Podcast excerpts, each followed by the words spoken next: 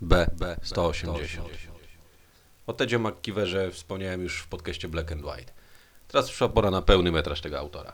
Machiny, bo o nich tu mowa, są jednym z lepszych komiksów z Batmanem. I tak trzeba powiedzieć, że z, a nie o. Tak naprawdę McKeever nie opowiada historii o glorii, upadku, powstaniu, śmierci czy kolejnym zmartwychwstaniu Rocznego Mściciela, tylko wyrywek z życia Eustachego, pracownika rzeźni i mieszkańca Gotham.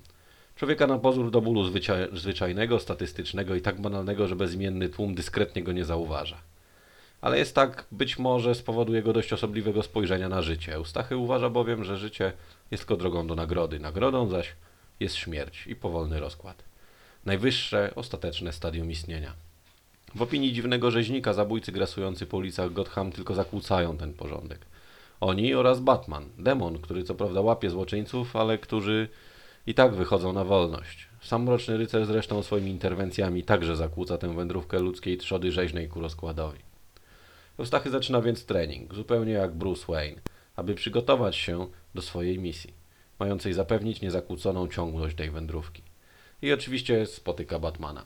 Rani go nawet w walce i chcąc zniszczyć rywala, uwalnia do kanałów Gotham toksyczne chemiczne ścieki. I tutaj zaczyna się coś dla mnie niesamowitego. Na kolejnych stronach widzimy rodzącą się w trzewiach miasta, gdzie spływa krew, alkohol i brud, bestię, z którą obaj mściciele zaczynają walczyć. Jest to stwór niemal mityczny, prawie jak jakiś pokraczny współczesny golem. Wszystko to jest o tyle niesamowite, że nie mam pojęcia, czy to, co oglądamy, to prawda, majaki Eustachego, czy światło księżyca odbite od gazów ziemnych.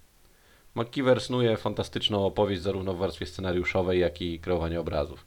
Pomysł na kreację Batmana jako demona, angelicznego krzyżowca i w końcu zwykłego człowieka pozostawia naprawdę niezatarte wrażenie. Cała opowieść jest oniryczna i zagmatwana, niczym niesamowity majak. Kiedy czytałem ten komiks po raz pierwszy, mając 14 lat, wyobrażałem sobie, że właśnie takie wizje mają heroiniści z worca. Duszne, paranoiczne, pełne fantasmagorycznych rzeczy wymykających się zdrowemu rozsądkowi. Sama zresztą kreska McKeevera jest dość surrealistyczna. Formy są często zniekształcone, dość umowne, chwilami karykaturalne. Kadry napakowane są masą drobnych kresek, a same linie sprawiają wrażenie brudnych. Potęguje to uczucie duszności i przytłoczenia. Wrażenie pewnej ulotności, nierzeczywistości potęgują dodatkowo kolory, a przynajmniej mam wrażenie, że robiły to w oryginale, bo druk wydania polskiego nie wyrasta ponad przeciętny standard TM Semika.